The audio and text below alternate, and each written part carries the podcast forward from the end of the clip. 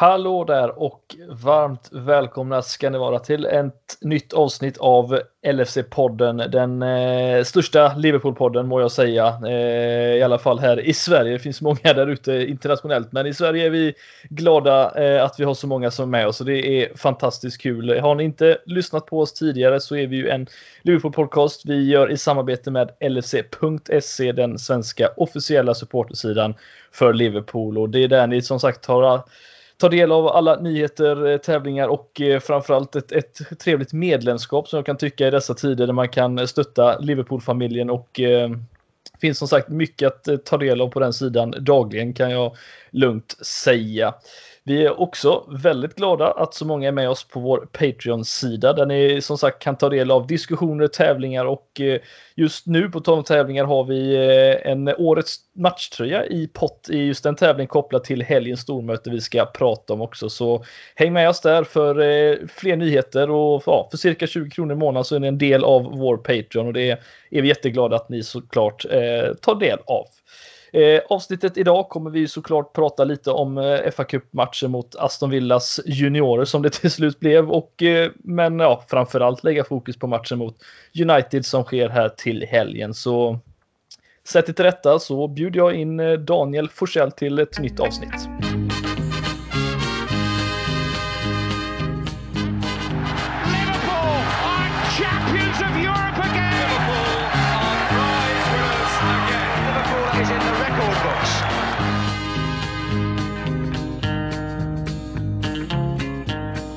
Yes Danne, då är det dags igen att podda och eh, vi har inte Robin med oss den här gången men här sitter vi i alla fall och eh, har ett fullmatat avsnitt framför oss. Hur, eh, hur är läget med dig i dessa tider? Är det är det slaskigt i Borås som det är i Göteborg just nu? ja, men lite faktiskt. Det har ju eh, snöat på bra under helgen och så kom det lite regn idag. Så, eh, så lite slask får man väl leva med här. Eh, när man väl har börjat jobba och alltihop efter jul igen istället för att man kunde fått något sånt när man var, var ledig. Men nej, annars är det väl bra. Det är lite så här ovanligt. Man, man, det händer ju emellanåt att man inte har någon match under helgen. Men vi hade ju en match faktiskt i fredags. Men det, det kändes ju inte riktigt på samma sätt när det var det här du nämnde det i introt där, juniorerna och man liksom, ja, FA-cupen från början den här säsongen av, av alla säsonger så är väl inte det det som får en att tagga till mest ändå kanske just med ja, hur schemat och, och allt sånt ser ut liksom och när, när det var Villa då som eh, man började läsa nyheter om att det kanske blir inställt och eh, att de hade haft ett stort eh, covid-smitta i truppen och sådär. Då blir man ju, ja det, det var ju så här, man visste inte riktigt på fredag eftermiddag så ja, ska jag åka hem och kolla match eller vad, vad händer liksom? Så, eh, så det känns lite ovanligt. Sitta och podda. Jag tänkte nästan inför det att vi har ju ingen match att snacka om. Men, men det har vi ju minsann även fast det känns väldigt länge sedan. Vi sitter ju här måndag kväll och det är ju inte så länge sedan egentligen. Men eh, vi får passa på att nämna med att FA-cupen ska ju faktiskt lottas här om en stund. Mm. Vi, lyckades ju ta oss förbi juniorerna där och eh, vi får väl se om det, det händer någonting här under inspelning så att vi kan eh, live-breaka någon motståndare helt enkelt. Även om det inte kommer vara live när, när den som lyssnar hör oss då. Precis. Ja, nej, men det, det är bra att du säger det för det, det är som sagt måndag kväll när vi sitter här halv åtta är väl klockan nu och vi Får se om vi hinner få med detta och det beror på hur, hur långdragna de är de här lottningarna. Men vi får se om vi får med det annars så tar vi varma, absolut och... Det beror på hur varma bollarna är. Just när, City, när City ska dra något så här Crawley eller vilka det var som skulle ja. ut i Leeds där. Det blir ja, väl eh, den mest givna i alla fall. Ja, nej men det, jag måste, måste, man måste ändå nämna det att eh, FA-cupen i sådana här tidiga omgångar utan fans på läktarna när ett lag som exempelvis då, som, ja nu mötte vi ju Villas eh, juniorer vi nämnde, men vad heter de? Mara, Marine, Marine FC. Ja, de i, eh, i Liverpool där, ja. I, i, ja, precis. I åttonde division eller vad de ligger möter Tottenham. Det, det är ju en sån match som det ska vara liksom gärna 13.30 en lördagkväll, och det ska, eller lördagmorgon menar jag, och det ska vara kallt och det ska vara mycket fans på läktaren i, för, ja, i förhållande till hur många de kan ta in åtminstone. Men det är ju det man saknar lite med FA-cupen, att det inte är så, för det tycker jag är verkligen är charmen när de här underdogsen kan, kan på något sätt slå ja, slå i underläge, men nu, nu var det ju inte jättemånga som gjorde det. Det var väl bara Leeds då som kanske åkte ut lite chockerande, men annars så var det väl ganska planenligt de stora lagen som gick vidare vad jag vill minnas i alla fall. Men, eh, ja, men jag tror det med i alla fall de, eh, det man har sett. Det, ju, det var väl Leeds som var den stora skrällen om man säger så. Och Everton var någon... väl nära på att åka ut. De fick ja, väl straffa ja, till slut. precis. Det, det, stämmer. Sen var det ju några, alltså det finns ju några så som kanske är lite småskrällar när det skiljer någon division. Men jag, jag är på ditt spår där. Alltså FA-cupen behövs knappt eh, så länge det inte är den. Alltså det är ju det som är hela charmen. Det är ju the magic of the cup. Att liksom vilket sånt där brödgäng som helst som bara har kassörer, bil, alltså rörmokare och ja, folk från bilverkstaden kan gå ut och möta Spurs liksom i, i en match. Det är ju det, är det som är jäkligt häftigt och när, de, när publiken inte ens kan vara där och se det. Även om just Queen har ju lyckats eh, extremt bra på eh, sociala medier. Deras eh, ansvarig där måste ju få en liten löneförhöjning nu. Eller han har väl ett, ett annat jobb kanske som man kan få en löneförhöjning på om inte annat. Så nej, det, det, är ju det som är det roliga. Och, men, men, samtidigt tycker jag sällan att det är så charmigt när Liverpool egentligen möter ett sånt lag. Utan det är mer så här. Det, det finns mer någon sån dröm om att ja, det är lite häftigt när eh, något sånt lag går vidare eller sådär. Men när vi ska möta något sånt gäng tycker jag ofta att det, en, det blir ofta så lite halvavslagna matcher. Det blir lite som det blev nu kanske mot eh, Villa med kan jag tycka. För det blir ju ändå någonstans blir det en liten motsvarighet till den typen av lag som vi fick möta även fast det stod Aston Villa på, på pappret. Även om vi gjorde Precis. ju samma sak mot dem för ett år sedan. Så det var någonstans fanns det ändå en liten sån här rättvisa att matchen ändå blev av med deras ungdomsgäng denna gången då eftersom vi fick göra samma i ligacupen då. Ja, nej precis. Ehm, mycket, mycket konstiga tider vi lever i Danne. Det, det är en sak som är säker. Men eh, vi, vi ska ta den matchen och vi ska prata upp Manchester United som sker eh, till helgen också är en, en riktigt eh, supermöte i, i detta fall.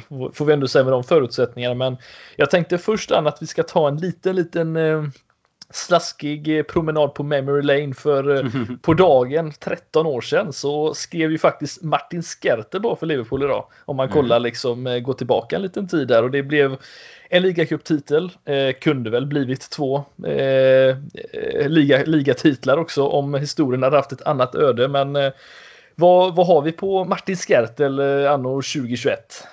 Vad kommer du ihåg? Vad har du för minnen? Ja, jag tror du menade vad han gjorde, vad, vad han spelar nu och vad ja, han gjort den här säsongen. Ja, det vet du. Ja, det är väl men, det turkiska laget. Ja. Eh, vad det nu heter. Jag de, de på. som eh, United, Slog United i, precis.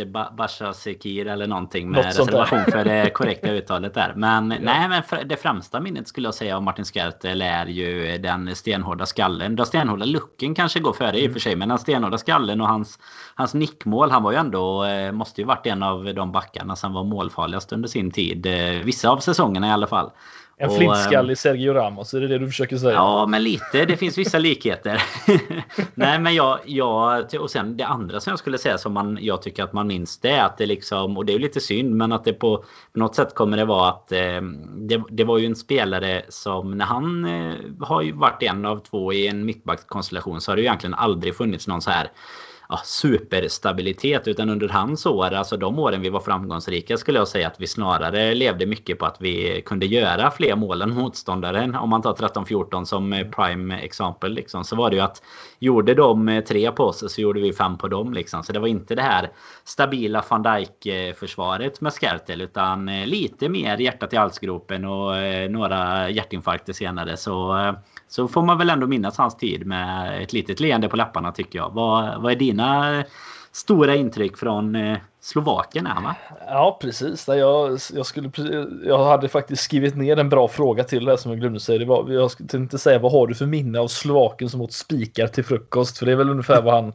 Vad, jag, jag utgår ifrån att han ut gjorde. så i alla fall. Ja precis. Nej men Skertel har man just ett, ett minne av att det var en eh, en, en, en väldigt fysisk mittback som jag inte alls vill minnas som en, en klumpig sådan som kanske man upplevde på senare år just med mycket tröjdragning i straffområdet och lite fötter som st stack in i straffområdet så kanske det blev någon straff här och dit men man kommer ju främst ihåg honom för alla, alla målen han faktiskt gjorde 13-14 som nämnde blev det väl i alla fall en 6-7 stycken tror jag till slut. Det var ju till och med matcher där han gjorde två mål mot Arsenal exempelvis i en och samma match. Det är det, det, det, jag har inget agg mot honom på något sätt. Det är klart att han, eh, han var inte världens eh, bästa mittförsvarare. Där tyckte jag ju att Agger och Carragher och Hyppie i, om vi går tillbaka lite längre tiden, höll, höll högre klass så att säga. Men eh, han kom ju trots allt, eh, på tal om van Dijk och rekordvärvningar. Han var ju faktiskt Liverpools dyraste försvarsspelare genom tiderna när han kom till klubben i januari 2008. Mm. Så att då, var det, då var det inte lika mycket pengar dock. Det var 6,5 pund, miljoner pund ungefär då. Eh, till skillnad från var det 75 för van Dijk. Så det, var, ja, det, det, det skiljer några kronor. Det var ett bättre rekord. Eller det var lite skillnad ja. Litet, litet annat så. Men eh, ja, nej, man, man har lite, lite goda minnen. Jag, jag tänker ju framförallt eh, måste jag säga att den matchen där på på Anfield mot, mot Arsenal 2013-14 när vi vinner där med, med 5-1 och ja, Skertel har ju två, två bollar inne redan i första halvlek så att eh, just de, eh, den matchen kommer jag väl främst ihåg honom för. Jag vet inte om det är något annat som du tycker sticker ut med honom men eh, det är väl den man spontant eh, tänker på skulle jag säga. Just att det var dubbelmål och så dessutom i den typen av match. Det var ju under en eh, period när vi bara eh, verkligen eh, körde över allt och alla där eh, framåt eh, ja, tidig vår eller vårkanten där. Så nej, det, det är väl den säsongen som var liksom det stora, lite som du sa där att han hade ju chansen att borde kanske ha fått med sig i alla fall någon titel mer än en, en ligacup-peng som, som var det han fick lyfta med sig. Han gjorde ju mål för övrigt också. Ja, det är sant mot, mot Cardiff där. Eh, annars så tänker jag att eh, något, något så typiskt minne av honom, det är också den på tal om Arsenal-matcher på Anfield. Eh, jag tror det blev 2-2 i den matchen och det var väl då Borini blev utvisad i, i andra halvlek när han men jag vill minnas att han har något så här vitt bandage runt pannan, nickar in en, en kvitteringsboll i 90, 90 plus någonting. Eh, jag vill minnas att det var så här 2014, 2015, någonstans där omkring Rogers sista tidperiod i alla fall. Men eh, jag kan ha fel, men jag, jag, vill minnas något sånt i alla fall. Det, det är sånt som Skertel får en att komma ihåg. Det är, det är bandage och blodiga pan, pannor ungefär. Nicka ja, men exakt. Det är ju spela med hjärtat utanpå kroppen typ. Eh, det är verkligen, eh, nej, det är, han, han ska ha det för sin eh, fina champaglöd ändå. Ja, nej men verkligen. Så att eh, lite kul och just att han 13 år sedan han skrev på. Herregud, tiden går. Eh, ja, det får man säga. löjligt snabbt, men eh, ja, så kan det vara ibland. Och sen tänker jag också att vi, vi kan väl passa på att skicka en liten eh, grattishälsning till Emil Ivanhoe Heskey som fyller 43 bast också. Det är bara en sån grej. Det är ju, kan ju vara värt det. så här riktigt underskattat eh, anfallslok som eh, som också pratas lite som den här underskattade, som sagt, eh, fotbollsspelare. Jag vet inte vad du kommer ihåg av honom. Nu lämnar han ju Liverpool. Ja, det beror på hur gammal man är så sett, men eh, 2004 var det väl han lämnade någonstans där va? Mm. Och det är klart, jag var ju, jag är ju 27 idag så jag har inte jättemånga minnen av honom. Jag vet att många Liverpool-fans som kommer ihåg honom sen trippel, ja, trippelåret där 2001 och, och, och runt där omkring vet ju att det var ju en mycket bra fotbollsspelare. Vad, vad kommer du ihåg från honom? Nej men det är väl egentligen som du säger det 2001 som är det som, eh, som man kommer ihåg eftersom det är så pass långt tillbaka och att det var att det var den trippen där. Men jag skulle väl också säga att jag är lite så här. Eh, alltså jag kommer ihåg att han spelade när man tittade och så men inte. Alltså det är lite för långt tillbaka för att man ska ha några så här stora bestående minnen. För det är egentligen de titlarna som, som vi tog den säsongen eh, som man kommer ihåg. Men det är, jag får inte så här upp när, när någon säger Emil Häske får jag inte upp så här Martin Skertel två mål på Arsenal Arsenal-minnen liksom. Det är inte något sånt som som klingar till direkt. Nej. Utan eh, snarare som en, en profilstark gubbe. Och som eh, alla andra i, i vår generation så spelade man ju en del managerspel och så. Det är väl främst där han har, har gjort succé för en i, i historien. Liksom. Och, ja.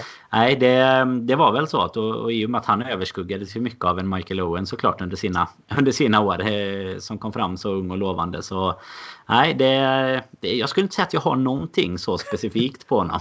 nej, nej, men det blir ju som sagt 60 mål på 223 matcher. Det är ju inte 60 mål är fortfarande 60 mål, men eh, det är inte som vi pratade Michael Owen, Robbie Fowlers siffror när man verkligen kan och komma ihåg många sådana här som Owens finalmål mot, mot mm. Arsenal i FA-cupen. Man, man kommer inte ihåg honom på det sättet, men han var ju som sagt en, en spelare som eh, verkligen gjorde nytta. Det, det, kan ju egentligen alla skriva på som har spelat med honom och jag tänker mer på den typen av spelare idag. Vi, eh, alltså just den här storvuxna spelare som har både en extrem styrka men en, en, en bra snabbhet dessutom. Vi ser ju en, en, en eh, Braut, e, Erling Braut Haaland idag exempelvis som just spelar på det sättet. Vi ser ju inte jättemånga långa stora fotbollsspelare besitta alla de kvaliteterna men eh, på något sätt får man väl säga att det är kanske dit vi vill gå idag. Det är en sån spelare som verkligen tar eh, Europa med storm just nu.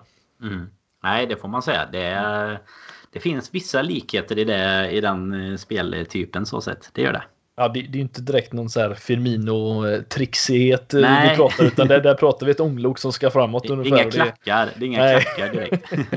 ja, nej, det var lite som sagt lite från eh, våran memory lane-spatsering där som vi eh, ta med. Men eh, nu ska vi faktiskt ta och snacka den om det som jag tror de flesta i alla fall har eh, haft med på agendan som de vill lyssna på. Det var ju just den här matchen mot eh, Aston Villas juniorer. Vi får ju, juniorer. Vi får ju faktiskt säga att jag vet inte vad de hade för snittålder, men den var ju under 20 måste den ha varit i alla fall med tanke på hur, hur unga de var, eller någonstans däromkring i alla fall. Vad, eh, ja, du sa att du var lite, lite från och till om det skulle bli match. Vi visste ju inte riktigt hur det skulle bli och framförallt inte hur bra Villa i så fall skulle ställa upp. Men det blev till slut unga spelare, precis som vi. Och eh, Liverpool kommer däremot till den här matchen med raka motsatsen och det är typ det starkaste nästan i alla fall de kan ställa upp med eh, exklusiv ytterbackar och, och, och Allison. Men eh, hur chockad blev du att Klopp ställde upp med det laget han gjorde?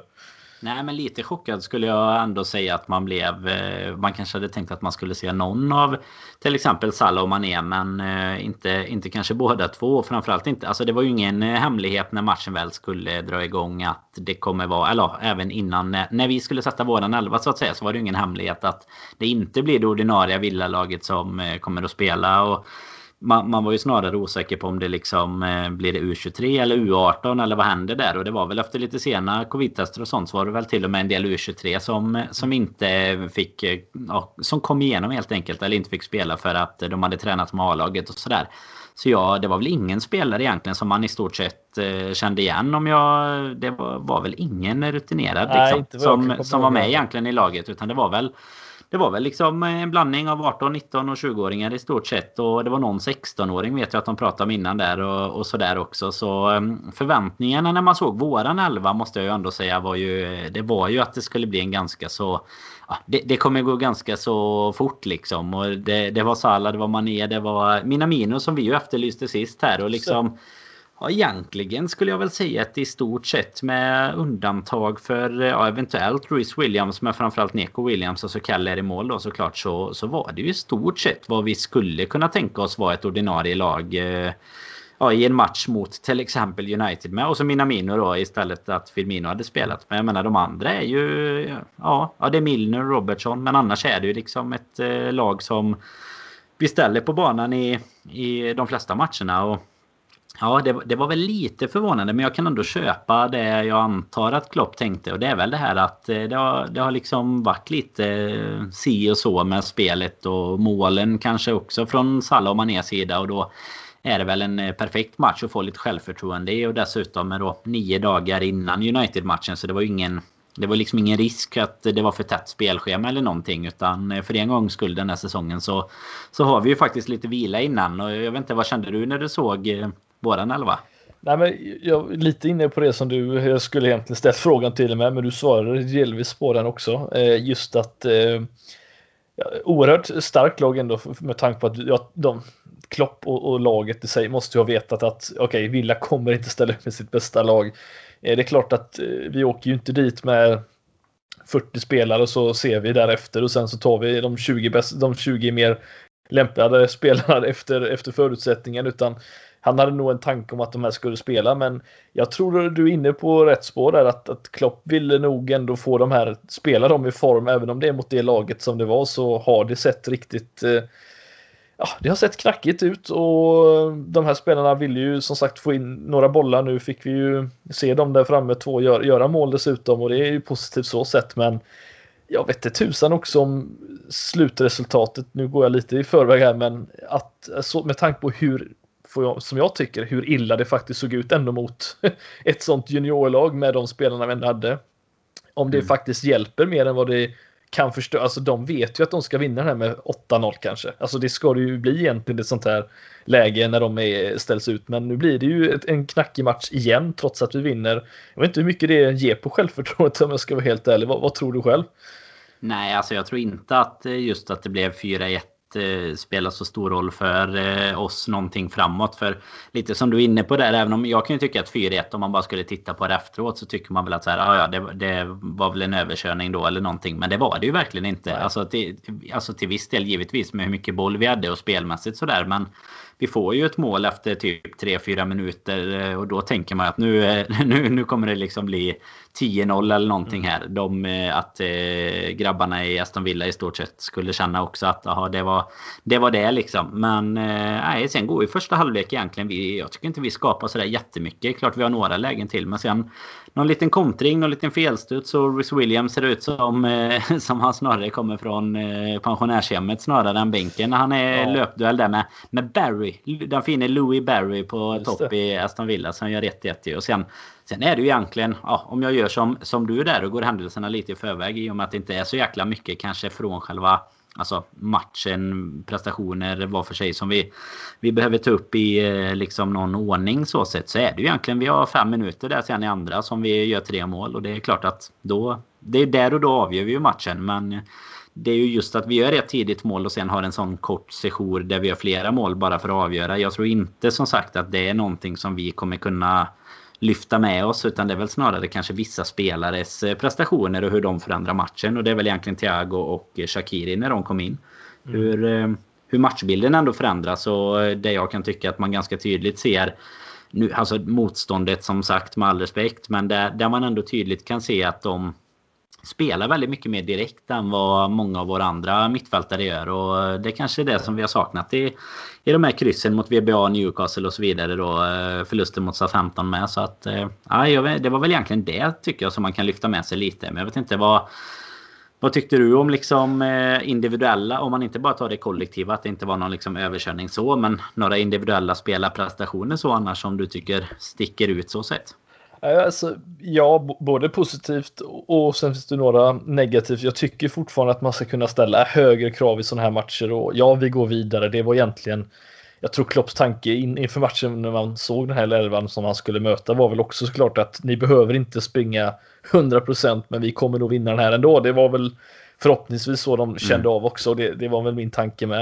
Eh, jag tycker ändå att det ser, det ser sådär sidledsknackigt ut, så om, det, om det ens är ett ord, men jag tror du förstår vad jag menar. Att, mm. att, att när även Henderson och, och Wijnaldum och Jones då, Jones som vi vet ska vara den kreativa spelaren som ska kunna stå för mycket genombrott i straffområdet och, och följa med upp. Det fick man ju inte se någonting och, och Henderson var det ju mestadels bara sidledspassningar ut till ytterbackar hela tiden. Mm. Och det tycker jag ändå, och, och, om det inte är det så är det den här långboll, trötta långbollen som alltid eh, målvakten kan gå ut och plocka väldigt enkelt och det, det är väl det som jag tycker är lite synd att att vi ändå, att det är, så, att det är ett uppenbart problem även mot ett juniorlag. Alltså det är, det är spelidén och, och det märker vi ju ganska ordentligt när vi kommer till det positiva här då hur Alltså de passningarna framförallt som, som Thiago kommer och, och drar in i, i, andra halvlek och jag tror att vi alla kommer ihåg just passningen till Salas mål där, där han hittar Shakiri in mellan två stycken spelare som vi alla diskuterar efter matchen att den hade ju Henderson, Wijnaldum eller Jones troligtvis dragit ut till Neko Williams. Men nu hittar han in det här insticket och sen så har vi en passning och sen är det ett mål plötsligt.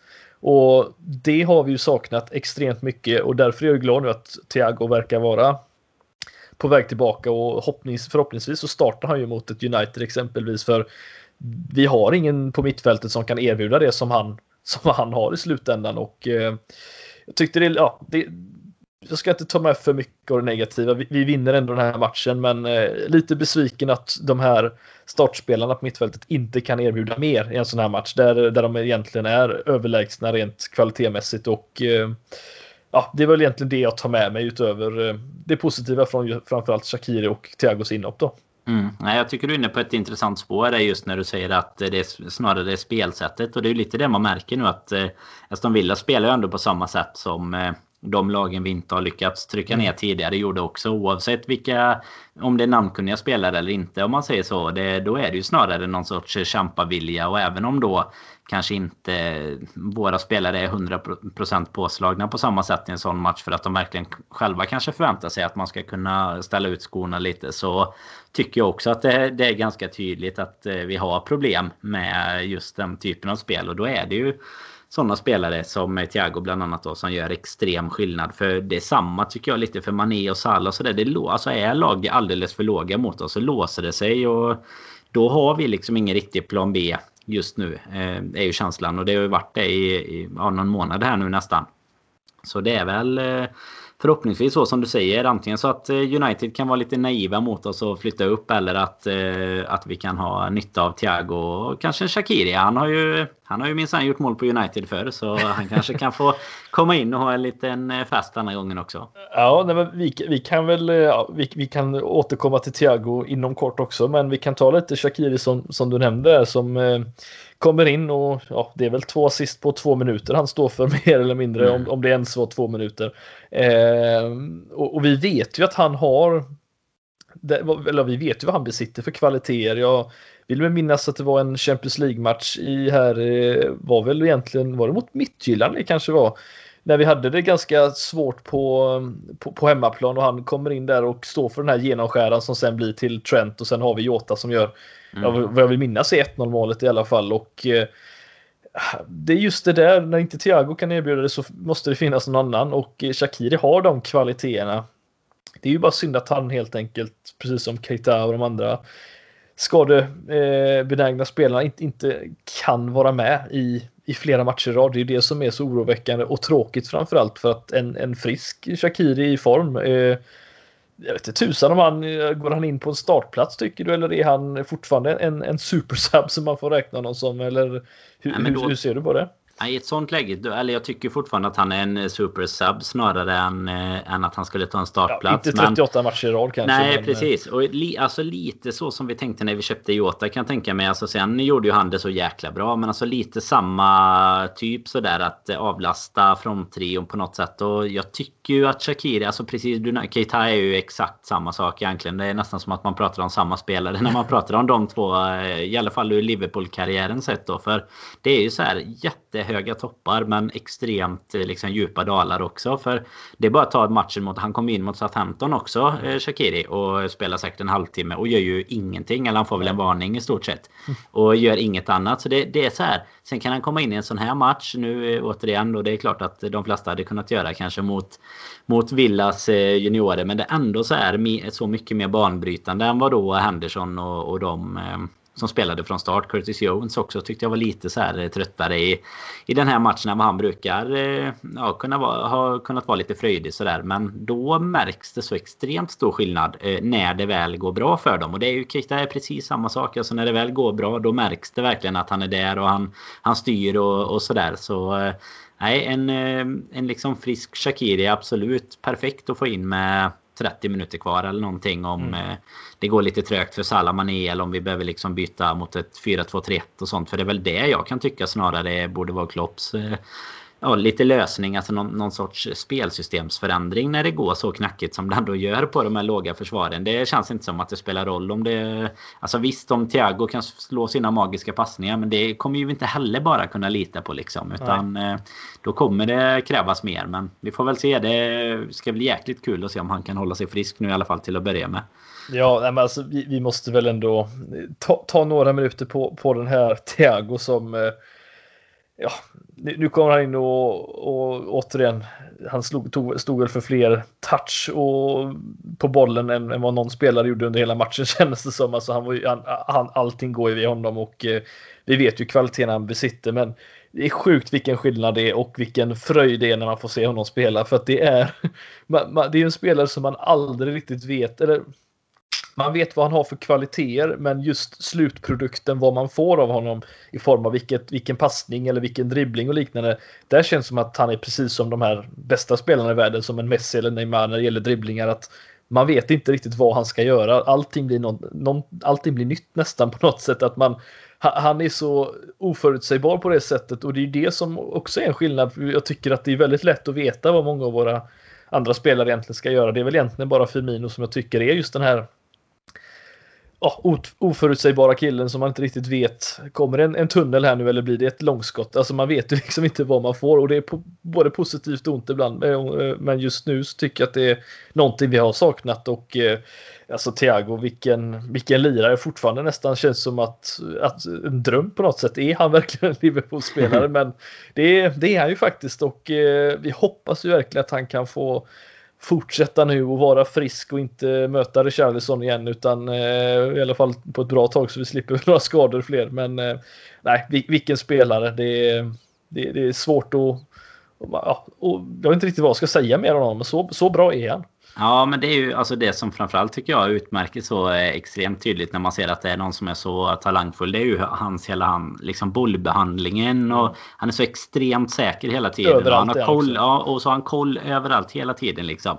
Så det är det, det som är lite häftigt och just att det blir en sån värvning. Jag menar nästan alla våra värvningar de senaste åren har ju varit sådana där vi på något sätt har fått förädla en spelare eh, och liksom man har tagit en spelare som har antingen haft en väldigt bra säsong eller kanske inte haft en så jättebra säsong och, och de kommer och får en bra säsong i Liverpool och sådär. Men här kommer ju verkligen en spelare på alltså i sin peak efter att ha vunnit Champions League och tyvärr då skadar sig ganska tidigt så att eh, vi, vi har fått gå några månader och vänta återigen här men eh, han har ju visat eh, de gångerna han har fått chansen med undantag kanske Southampton egentligen då. Eh, att han eh, verkligen gör skillnad på plan och det ska bli jäkligt kul att se mot typ United nu med vad han kan, kan göra. För det är ju lite, alltså ska man dra en parallell gentemot dem så är han ju lite samma som dem och Bruno Fernandes. Och han kanske är ännu viktigare för dem egentligen än vad Thiago är för oss. Men vi hoppas väl att han ska bli kanske inte exakt lika viktig för jag vill inte ha så dåliga spelare runt omkring honom. Men, men nästintill lika viktig i alla fall eh,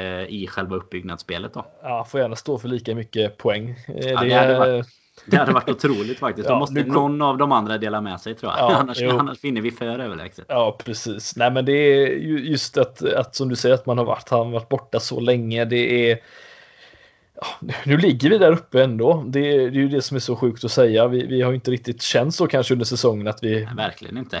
att vi borde ligga där, men alla de här kryssmatcherna som vi har, har spelat, eh, onödiga kryss om vi får säga så. Nu tar vi ju den här Southampton-matchen, det är ett exempel han ändå får spela och in, inte gör jättebra ifrån sig, men det, det kommer ju hända det med. Men alltså, vi, spelar han de matcherna mot Fulham borta och sånt där, då, då har vi då har vi en sex poäng till eller, eller ännu fler kanske, till och med nio poäng till eller något mm. sånt där. Alltså det så, så, bra är han ju och så mycket kan han göra i, i slutändan så att eh, vi hoppas att han håller sig frisk för det kan ju det kommer att behövas nu. Nu kommer vi gå in i ett tufft spelschema här när de andra lagen går in i ännu lättare. Om vi tänker på ett City exempelvis som har jättelätt motstånd eh, som vi pratade i förra avsnittet där också. Men eh, äh, det ska bli kul att se Thiago gå vidare i alla fall här nu för det är en spelare vi eh, vi kommer att dra nytta av i alla fall och när det dessutom har Jota tillbaka Danne då, då är det här laget eh, i, i slag igen kan man väl säga va? Ja, men det får vi hoppas. Ja, men det hoppas vi på. Det dröjer ju inte så länge heller. Det, vi räknar väl med en och en halv, två veckor till på honom eller någonting. Så mm. att eh, innan han i alla fall är, är riktigt igång. Så, eh, och han är väl också lite som vi pratade om innan. Det är ju ändå kanske först och främst lite som eh, supersub när han kommer tillbaka i alla fall. Och innan vi lämnar Thiago så helt inför United så tycker jag det man framförallt kommer märka skillnad på när han spelar mot den typen av försvar är ju just alltså han kommer inte spela runt så som vi har gjort. Det är ju det som har varit så frustrerande. Det man liksom har Alltså man har ju vant sig bort vid det. Det var ju så vi var förr i tiden också. Att man bara, vi stod och spelade runt liksom. Och så ligger vi under eller det står kryss mot något liksom, eh, gäng som man tycker att vi ska vara rätt överlägsna mot. Så har vi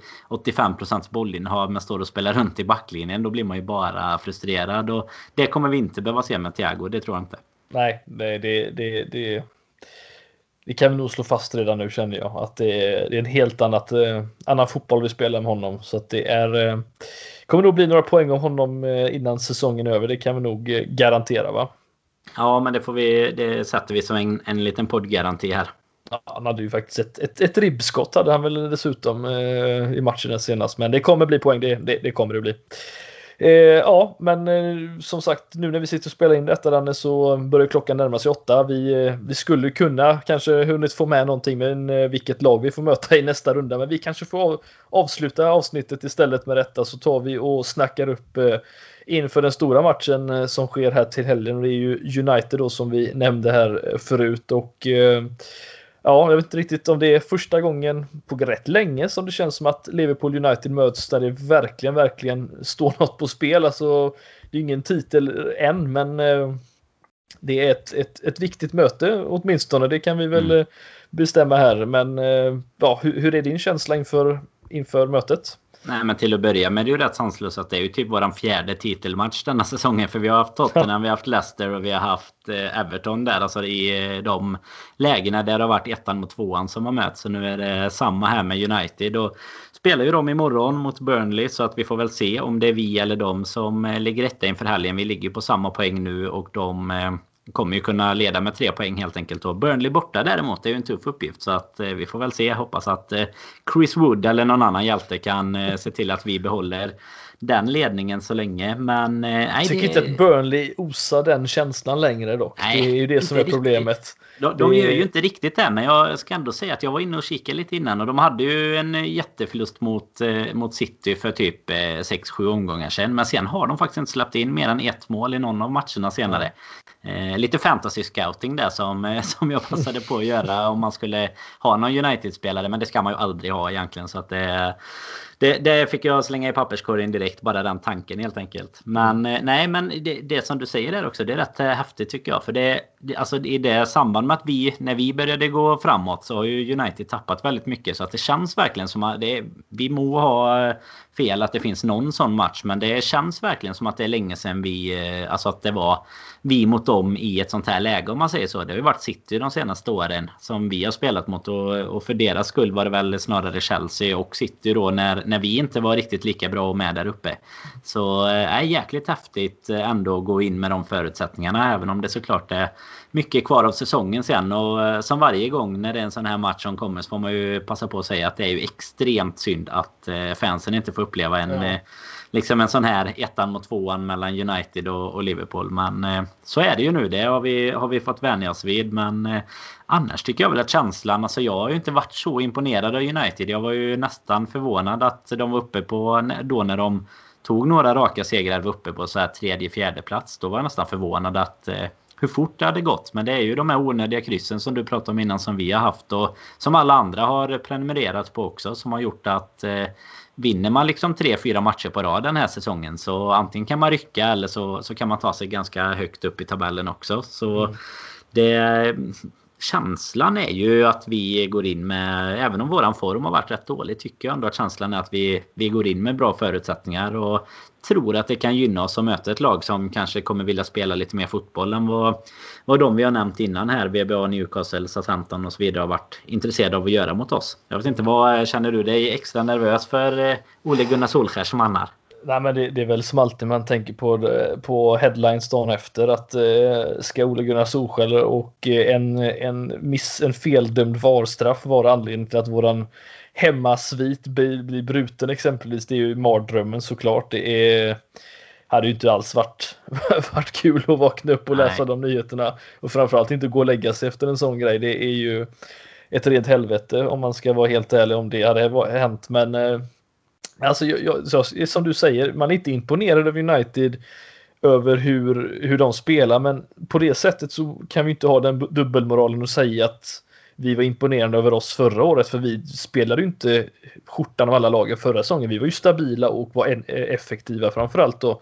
Och det får vi ändå säga att United har varit det här året. Visst, de har fått sina straffar, vi har fått några stycken, men de har ju kanske varit mer att det har de straffarna och de VAR-bedömningarna som de har fått i, i, sin åt sitt håll så att säga. Det har ju kommit i i viktiga lägen, inte när det står 4-0 utan när det kanske står 1-1 eller, eller något i den stilen. Vi minns ju alla Brighton-matchen exempelvis när eh, de fick sin, sin straff efter att matchen mm. blåste slut. Den, den turen har ju inte riktigt vi känns det som. Det är, det är United, de har mycket på sitt eh, som går åt sitt håll just nu. Det är väl egentligen det som är grejen och eh, nej, de behöver in, in, inte imponera för att vinna. Det är ju det som är också ett tecken på ett lag som kan gå långt i sådana här en sån här konstig säsong. Det är ju det vi har pratat om. Jag tror absolut att de kan vara där uppe när det väl eh, gäller. Det är väl eh, tre lag jag tror. Det är väl vi City och dem i så fall. Men eh, jag, jag är nervös Danne. Jag måste mm. säga det. Jag, jag har ingen. Jag säger inte att jag har en dålig känsla, men jag har heller ingen sån här super, superkänsla. Det enda som talar för oss det är väl att vi har varit riktigt, riktigt bra mot topplagen just på Anfield. För där har vi ju 4-0 mot Wolves, vi har 3-0 mot Leicester, vi har eh, slått Arsenal och eh, alltså vi har ju varit starka där, det, det vet mm. vi ju. Så att det är väl egentligen det enda som jag känner talar för oss just nu, för annars så är jag ju mest orolig för hur försvaret kommer se ut om Matip är tillbaka. Det kanske vi kommer till snart med, men eh, Rhys Williams mot en Martial eller en Rashford känns väl sådär va? Ja, det, det känns väl inte Om man inte kan hålla, kolla klart, hålla koll på Barry den, i, i FA-cupen där mot Aston Villa så blir det nog svårt mot en, en, en, Rashford exempelvis. Ja, men det är ju andra matchen på rad nu som, eh, eller andra gången man ser Rhys Williams så på rad som han eh, har det här. Alltså det hade jag aldrig sett innan det stapplande långsamma steget han, han har. Liksom. Nej, jag trodde inte heller det. Och framförallt får ju hans, hela sättet han springer på får ju honom att se ännu segare ut liksom. Mm. Så nu nu ska man väl inte kasta honom kanske till hajarna än 19 år gammal. Men det är ju ändå en annan förväntan kan jag tycka på en spelare nu som Alltså med de förutsättningarna såklart han ska egentligen inte spela en andra ligamatch denna säsongen och, och så vidare. Men det är ändå så att eh, 19 år så, så ska man ju kanske inte kunna gå rakt in i, i, ett, eh, i en ligaledare. Men liksom du ändå, du, du förväntas ju ändå ha bra spelare neråt också sen kan jag tycka. Så att eh, just att man skulle behöva bli så chockad i en sån i en sån duell liksom. Det båda ju inte gott för honom om man känner så utan att på något sätt att bara, bara hänga ut honom så sätt. Och som vi sa innan, vi, vi tog oss vidare rätt komfortabelt slut ändå. Men ja. just... Han, han klarade han ju visserligen sån på Anfield. Nu fick ju han ett, eh, precis. ett mål visserligen då. Gjorde han ju där han eh, och återigen inte hängde med. Det var väl visserligen ingen som gjorde men Eh, han har ju klarat det tidigare så sätt så att det, vi ska absolut inte som du säger, slänga honom under bussen på något sätt utan det, det är väl mer att han snabbheten är inte hans styrka och eh, mot ett United som kommer och kontra mycket, det är jag helt säker på. Då, då kommer nog snabbheten vara A oh, det, det kan jag nog tänka mig. Mm, absolut. Nej, och sen, eh, du pratade ju lite om det här med VAR och sånt. Nu nu slapp vi ju det i ligacupen och vi ska inte bli för långrandiga kring det. Men United går ju liksom inte att komma förbi utan att prata om det. Jag menar, det är ju bara, du behöver bara gå till senaste matchen egentligen i ligan. Det var ju Aston Villa, de vinner ju på en straff. Så, som så många gånger förr såklart. Det är Pogba som får straffen efter en eh, alltså, jättekonstig duell. Och en duell som definitivt ska bli straff eh, för Mané då om nu Pogba ska ha straff. Nu kanske jag tycker eh, av naturen att vi inte skulle fått straffen i, i Southampton-matchen om inte Pogba heller ska ha den i, i United-matchen. Men det blir ju så. Det är så talande för den här säsongen att de går med United och inte är med oss. Och som du är inne på, det är nästan det värsta som skulle kunna hända är ju att Solskär hade fått bryta våran svit. Det är liksom värre än alla United-polare och sånt man har haft genom åren som, som man liksom har haft allt tugg med. För de har varit lite tystare nu på senare år. Men att liksom bara läsa att eh, Ole Gunnar Solskär ska ha gjort något så. Alltså det, det pallar jag inte. Så det, det får absolut inte hända. Det är bara så. Det, det händer inte. Men... Nej. Vi ska inte behöva tappa poäng heller mot dem tycker inte jag spelmässigt. Men du, du är ju på intressant spår där att det är lite dubbelmoral när jag säger så. För jag, jag är inte jätteimponerad av vårt spel heller. Utan det är väl det är samma där. Vi har ju haft vissa matcher där vi verkligen har öst på och varit överlägsna. Och det har väl de haft någon. De hade ju Leeds där när de vann med 6-2 bland annat sådär. Men annars tycker jag att den typen av matcher har ju vi haft lite fler av. Och kommer vi bara upp i någorlunda närheten av en sån nivå så så ska vi ju ta det ganska enkelt tycker jag. Men du sa om Martial och Rashford och de där bland annat. De får man ju vara lite orolig för faktiskt vad gäller eh, våran backlinje kanske. Oavsett om nu Matip skulle vara tillbaka eller inte. Mm.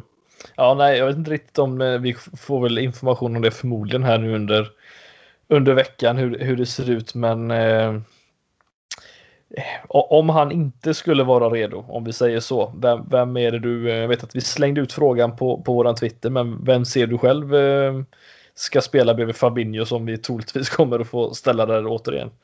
Alltså jag tycker att det är svårt egentligen mellan, eh, mellan Nat Phillips och Bruce Williams. Egentligen. Jag tycker väl inte, eller om man vänder på det så tyckte jag inte så här att Henderson och Fabinho inte spelade bra ihop. Men jag tyckte att eh, vi tappade så mycket på mitten och nu kanske vi, vi skulle kunna få flyttat upp någon av dem och det blir ju Fabinho antagligen då såklart som, som är kvar eh, i backlinjen och Henderson som går upp och då jag vet inte, alltså bara baserat på det innan tycker jag att Rhys Williams har varit bättre men lite så här bara på det, det man såg sist och ändå så pass bra när eh, Phillips var när eh, när han Vilken match var det han spelade han blev eh, typ man of the match? Vilken, var det mot? Var det West Ham eh, vill jag bara säga. Men jag, det var det va? Det, jag är inte hundra, jo men det måste det ha varit. Det måste ja, det varit minns jag rätt så är det West Ham va. Och alltså han är ju mycket mer av en duellspelare tycker jag. Alltså det är ju det skillnaden är. Och om då Rhys Williams som han har visat det är egentligen i två, två löpningar nu som vi har, har sett ganska solklart inte liksom riktigt hänger med. Då tycker jag ju att kanske Nat Phillips har varit ja, att han kanske förtjänade mer på något sätt. Mm. Eh, sen egentligen, jag vet inte, vad, vad känner du? Det är ju Williams som får chansen oavsett. Det är ju det som är grejen. Det är ju han som, som kommer in och spelar de här matcherna och har fått göra det. Så att tecknet måste ju ändå vara att, att det är Rhys Williams som går som går före på något sätt. Jo, det, så. Och så var det, jo, så var det väl ganska uttalat från början. Och hela anledningen till att Nat Phillips han spelade var väl egentligen att eh, han inte var reggad i Champions League. Och då skulle mm. Bruce Williams spela Champions League-matcherna.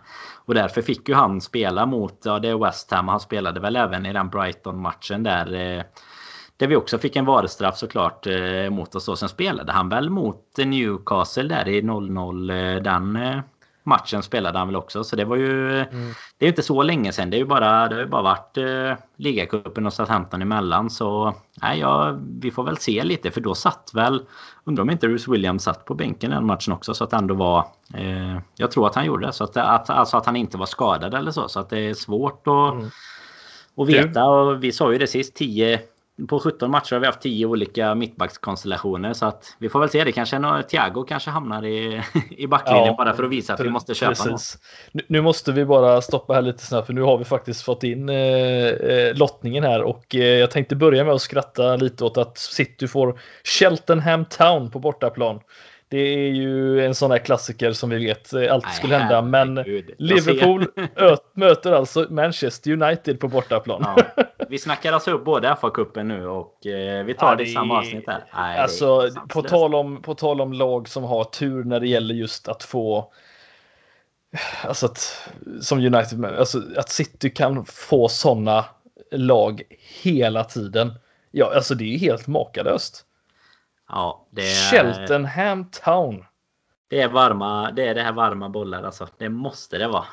det är helt omöjligt. Alltså, det är, nu är det ju Peter Crouch som står där så att uh, han, han har ju ingen anledning att, uh, att ge oss United egentligen så han sett. tänker han... väl att det är det enklaste motståndet helt enkelt. Det är väl, uh, det är väl så Crouch tänker. Nej, men jag, jag tycker ändå att alltså. om, man, om man ska vara riktigt och det, det kommer ju vara roligare build-up inför matchen. Sen hade det varit ur turneringens perspektiv så är det klart att det är roligare att möta Cheltenham eller någonting. Men det, det blir ju en eh, det blir en brännigare match liksom att möta United. Det, så jag kan ändå tycka att det finns någonting positivt i det hela. Sen eh, utan då att ha en eh, aning om hur spelschemat ser ut just då. Så att det, det är säkert så att vi ska spela åtta matcher på två dagar. Ungefär. Precis runt omkring med. Så, så vi får väl se vilka som spelar. Men nej, det var ju, det var ju roligt att kunna läsa. Det var inte något otippat faktiskt. Det var väl det säkraste vi kunde vi ha tippat här i början av avsnittet. Så hade vi fått något rätt i alla fall. Ja, det är Eh, hade väl på känn att det skulle hända. Det med tanke på vilka lag som ändå fanns i den här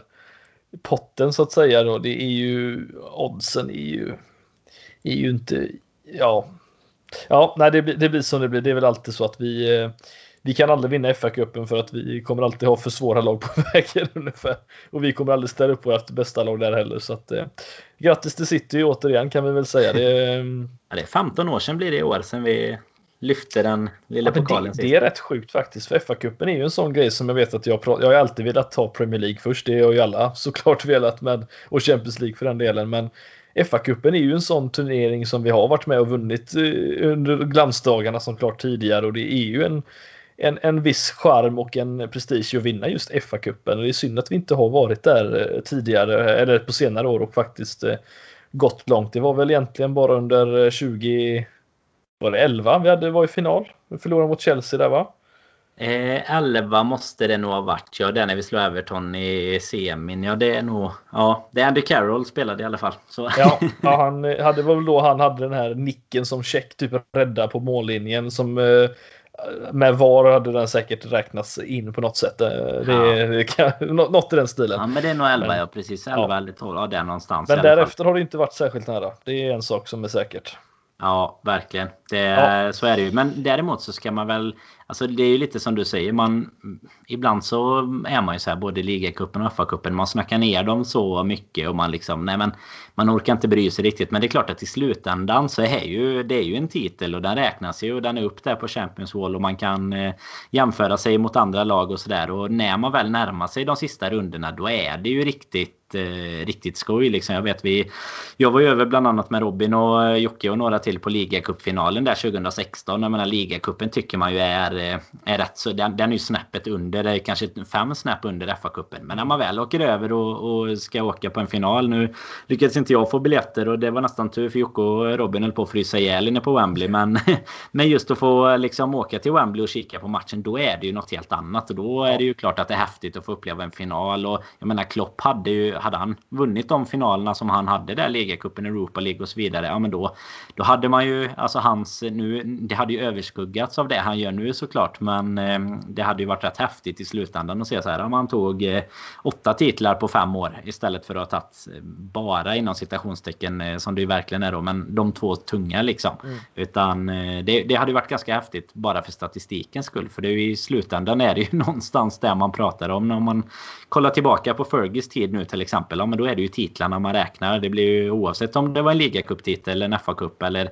en ligatitel så, så blir det ju på något sätt siffrorna liksom. Så eh, av den anledningen får man väl eh, känna att FA-cupen ändå har, har sin skärm. Men den kommer ju alltid så här konstigt mitt i eh, nu när det har varit så mycket matcher kring jul också. Så eh, då, då blir man inte så här supertaggad på på de här reservlagsmötena. Men eh, nej, United det blir, det blir mäktigt. Och vi ska väl, ja, och vi ska väl tillägga här att vi, vi möter ju alltså United nu då på söndag. Sen har vi Burnley på torsdagen eh, veckan därefter och sen så är det faktiskt så att helgen den 23-24 januari så det blir ju då bara två, tre dagar senare där egentligen.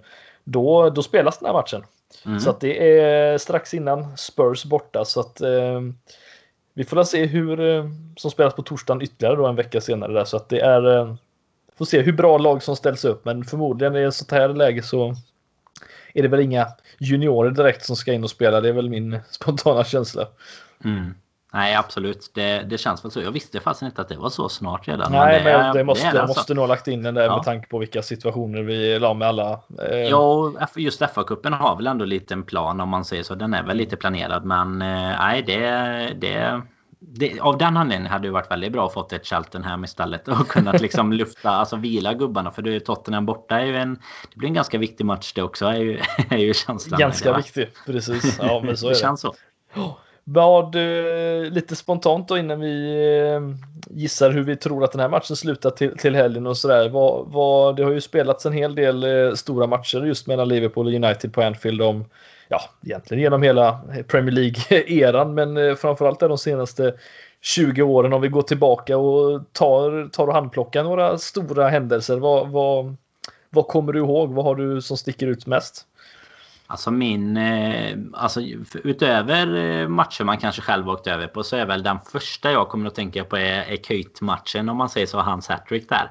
Mm. Ehm, det, det blir nog den United-matchen som ploppar upp i, i skallen snabbast. Och sen är nästan, eh, skulle nog säga att förra årets, eller ja, eh, ja den senaste matchen egentligen där, är eh, den som ploppar upp, den vi pratar om så mycket om som eh, typ årets höjdpunkt. Eh, mm. Som... Eh, det bästa är 2020. De, ja, men precis. Ja, med de som liksom... Ja, just det, det är faktiskt förra året. Jag sa ju rätt, det är ju 2021 nu. Så, ja. så det, det, var förra året. Det, det är de som ploppar upp först skulle jag säga just för Alltså i, i, lite olika situationer men eh, just eh, den matchen som var nu senast. Den blir ju, det har vi pratat om så nyligen med. Den blir ju just, just för att det var på något sätt kändes som att det var där det avgjordes nästan. Även om, eh, ja, om det, det var mycket annat runt omkring. Men sen är ju Köjt är väl bara att det är den man alltid på något sätt kommer ha så här nära, nära till hands liksom. Och kan ju eh, passa på att flika in där att eh, det, du sa ju det även i introt. Vi har ju en liten specialtävling här nu där man kan vinna en matchtröja på våran Patreon och då är det ju en liten quiz om eh, lite stora händelser och spelare mot United. Så, eh, så det passar bra att även du får lyfta några här nu Aide och se vad, ja. om det är något som kan hjälpa någon i quizen kanske. ja, nej, men jag håller ju med dig såklart i i, eh, när det gäller just den senaste matchen. Den, den tycker jag är väldigt talande. Köjtmatchen kommer man ju ihåg så extremt väl för det var ju, vi får kalla den Köjtmatchen trots att det var Suarez som var egentligen den stora spelaren i den matchen egentligen. Mm. Men eh, den kommer man ihåg extremt väl med tanke på hur ja, det, det var just man börjar liksom bli kär i Suarez och hur han sett och liksom, framförallt det mål, 1-0 målet där han dribblar sig förbi Eh, tror det eller ej, hade, den, eh, hade det inte varit så att Köjter varit på den så hade det stått att Suarez hade gjort mål och vem hade fått assist den matchen istället? Kyrgiakos. Ja, det, jag tänkte det, det, det, kan, det hade du mig. ja. Nej, men det är bara, bara en sån sak. Nej, men den matchen kommer jag ihåg av den anledningen. United var ju, var ju, det var ju ett bra år för United, så det var ju inte så att de var dåliga, utan det var ju vi som helt enkelt var på, på uppgång där med Kenny under det halvåret, vad, vad man vill minnas där. Och eh, annars så, så, går man väl tillbaka kanske till 08, eller förlåt mig, eh, säsongen efter 08-09, alltså 09-10 där när vi var Ja, vi hade precis tappat Xabi Alonso. Det var ett tufft år. Torres var skadad mycket och ja, det, det, var ju inget jätteår det året och ändå så åker vi. Åker vi. Vi tar emot United som eh, var i riktigt bra form och ja, det är ju då Köjt tänkte jag säga en gång så för sitt 2-0 mål där när Reina springer upp precis som Alisson gjorde till, till Sala och eh, den kommer jag ihåg väldigt mycket för det var ju det, det är ju en sån, det är ett sånt exempel som är så bra där, där med att man även om man är i dålig form och man liksom säsongen går riktigt dåligt så åker man och verkligen gör en sån superinsats mot ett lag som man egentligen inte kanske ska slå i, i den formen de är i. Men där hade man ju fansen på sin sida och eh, Torres 1-0 målet där när han håller undan Ferdinand vad jag vill minnas och Benayoun står för den genomskärande. Alltså det, det, är mycket man kommer ihåg från den matchen just att eh, exploderade taket kan man säga det som fanns där i alla fall. När Torres gjorde det här målet och när en gång sen gör 2-0. Den, den kommer jag ihåg väldigt, väldigt väl. Eh, sen ja, det är väl framförallt på senare år. Det är ju då vi har haft turen att kunna slå tillbaka United som mm. har varit överlägsna många år innan där. Men annars där innan så är det ju inte mycket mer än kanske Gerards långskott var väl 2001 eller något sånt där va. Men då var man ju inte särskilt gammal för att komma ihåg hela den matchen. Men eh, nej, det är främst på senare tid som man kommer ihåg de stora grejerna.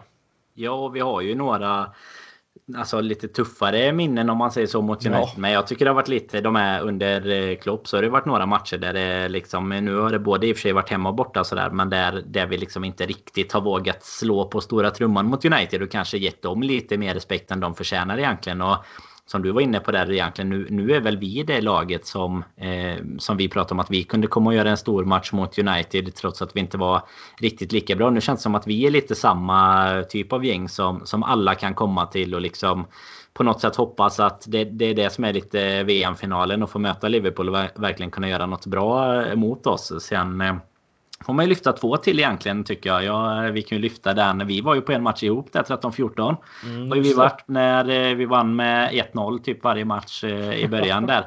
Det var väl eh, Starwich som eh, tog ett mål där också. Eh, om jag minns rätt. Eller var, för det var det att studsa på Agger eller någonting. Agger, liksom... eh, precis. Så att han fick assisten på den. Och sen ja. så skarvade Sturridge in den. Ja, det är en, en fin som man ska ha med sig. Och sen eh, tycker jag ändå att vi måste nämna det. Jag, jag eh, teasade ju den lite innan. Jag sa ju det när Shakiri kom in och gjorde två mål. Och han avslutade ju även José Mourinhos United-karriär med, med lite mål där. Så eh, nej, det, det ska man väl... Eh, ska han väl ha, eh, den gode Shakiri. Kanske kan vara en liten sån tändvätska inför, inför ja, helgens match. Han får gärna göra samma sak. Det har jag ingenting emot faktiskt. Det är det, det, är bara fritt fram och göra två baljer mot United. Det, det, det tar ju alla dagar i veckan. ja, det, det kan jag hålla. Där är vi överens. Det kan jag säga. Där är vi överens. Ja, men det är bra. Då. Vad, eh, ja, om vi ska lägga ett litet lock på den här matchen då. Vad, eh, vad, vad säger oraklet i Borås? Nej, men vad, vad säger jag egentligen på en sån här match? Alltså jag sa ju det, känslan är ju, är ju god tycker jag. Så att jag säger att vi vinner med 2-0. Eh, oh, det blir en eh, resultatmässig repris av eh, den senaste matchen på Anfield då. Även om det inte ska ske på precis likadant sätt. Men eh, det, det, ska, det kommer inte vara Sala i 90 plus 3 eller vad det var. Utan eh, nu blir det lite mer sådär. Det blir två mål. och det blir ingen straff för United den här matchen faktiskt. Det är väl det, det man borde börja att tippa Det mest egentligen. chockerande jag har hört. ja, precis. Ja. Nej, men det är, jag tar ju, tar ju jättegärna det också. Jag har... Eh, jag, jag, tror ju tyvärr att United får med sig ett, en, en, boll, men jag, jag, tror att vi vinner med, med 2-1 den här matchen. Det, det, det tror jag. Eh, det har varit framförallt ruggigt skönt att kunna ta just en trea. Spelar ingen roll hur det ser ut nu mot ett United som då kanske känner sig lite på uppgång mer än vad vi gör och eh, framförallt då inte låta dem dra ifrån ytterligare. Det hade ju varit eh, väldigt skönt måste jag säga med tanke på vilka matcher vi vi har där. Vi har ju som sagt Tottenham och sen har vi både West Ham och Tottenham borta egentligen två matcher i rad och det är ju riktigt tuffa matcher att behöva åka till när man vet att potentiellt United är sex poäng före och även City för den delen som har sina hängmatcher här snart så att det är. Eh, det, det, är en otroligt viktig match, men eh, jag tror att vi får se. Eh, får se något vackert av Thiago. Jag tror att Mané står för, eh, för två bollar eh, i nät. Det, det, det, det, känns som att han, det är dags för honom att komma fram nu igen. Är, vi behöver Mané som, som bäst. Det är, ja. Salah har fått göra några den här säsongen. Jag tror Mané behöver komma tillbaka till sin eh, målform. Så att eh, nu efter två dessutom mot Villa så, så känner han väl lite, lite målsug igen, det tror jag. Nej, men det, jag tar 2-1 också om jag, om jag måste. Så, eh, så godkänner jag det med. Tre, det tre ju, poäng säger vi i alla fall. Det exakt, det, det, är det vi kommer behöva. Nu får vi se som sagt om United kommer att ligga etta eller, eller om vi gör det då inför, eh, mm. inför matchen. Men det kommer ju bli en sån typisk sexpoängsmatch oavsett egentligen. Det, det får man ju säga. Och vi kan ju lobba lite med för att Robin ska ju faktiskt spela in ett avsnitt här i, lite senare i veckan. Med, ja, ska vi tisa lite bara säga att det är en, en någorlunda känd United-profil på Twitter får vi säga. Alltså inte, inte kanske ur... Eh, inte, inte någon gammal spelare. Bojan har ju varit med tidigare så precis, det är inte Bojan. Han, li, han är lite kändare men eh, den här killen har nog många fler haft i sitt flöde om inte annat. Så, så kan vi väl säga i, i lite arga diskussioner kanske. Ja, och det är inte eh, Ferguson. Nej, det är inte Ferguson heller. Även om det hade varit lite häftigt. Men eh, det, får bli, det får bli en annan gång. Men det ja. avsnittet kommer ju på Patreon här senare i veckan. Vi har ju ett specialavsnitt redan. En premiär där Christian Andersson pratar Gary Marston. Eh, ju, kommer ju spelas såklart. You Never Walk Alone som eh, i vanlig ordning inför matchen mot United också. Det är ju han vi hör varje gång vi ska spela match. Och eh, absolut intressant avsnitt. Och gå in där och lyssna på också. Tillsammans med den här quizen då. För, som man ju inte får missa. Så eh, mycket United-uppladdning nu. Det blir även matchtrådar och så såklart där. Och annars Aide så följer man väl oss på Twitter som är vanligt va? Ja, precis. Att LFC-podden. Eh, där får ni gärna som sagt eh, skriva in tankar och idéer till, till nya avsnitt. Eh, vad vi är bra på, vad vi är dåliga på och eh, varför Danne alltid har fel han tippar och, och lite sådana här lite teorier kring detta. Men eh, nej, det, det, är där ni hittar oss. Lite just så, nu, Just nu kan ni gå in eh, avslutningsvis kan jag bara säga just nu kan ni gå in och se ett klipp från när, eh, när vi vann eh, mot Spurs på när det var Storträff Syd i januari. Ja det är ju ett år sedan. Det är fan ett år sedan idag va? Det kanske var därför det kom ja, upp. Det, det eller igår eller idag. Ja. ja. och då, då var man ju då var ju spåkulan gnuggad och klar. Det var bara att konstatera att ligan var klar. Jag hade missat att det skulle komma en pandemi men det, det hade inte kommit upp i spåkulan. Men ligan var klar och det blev den och ja vad ska man säga? Det är väl eh, kanske något sånt eh, lyckoruset kan få en att säga efter söndagens match med kanske? Ja, precis. Lite, lite väl sluddrigt på klippet dock, men det, det, det köper jag. Det, ja, det, det, ska det vara. Efter, efter förutsättningarna. ja, exakt. Det ska det vara. Ja, ja. Det längtar man tills vi, vi får träffas så igen. Det ja. räknar vi dagarna till, men eh, vi får, får njuta av fotbollen på tv så länge. Precis. Ja men lysande Danne, då tackar jag för att du eh, fick sitta här i, i, i slaskvädret, även om du inte är utomhus nu, men eh, och, och prata Liverpool med mig. Så eh, tackar vi såklart alla lyssnare som varit med och lyssnat och eh, tills vi hör, eh, hörs igen så får ni ha det så bra. Så tack för att ni lyssnat, ha det fint!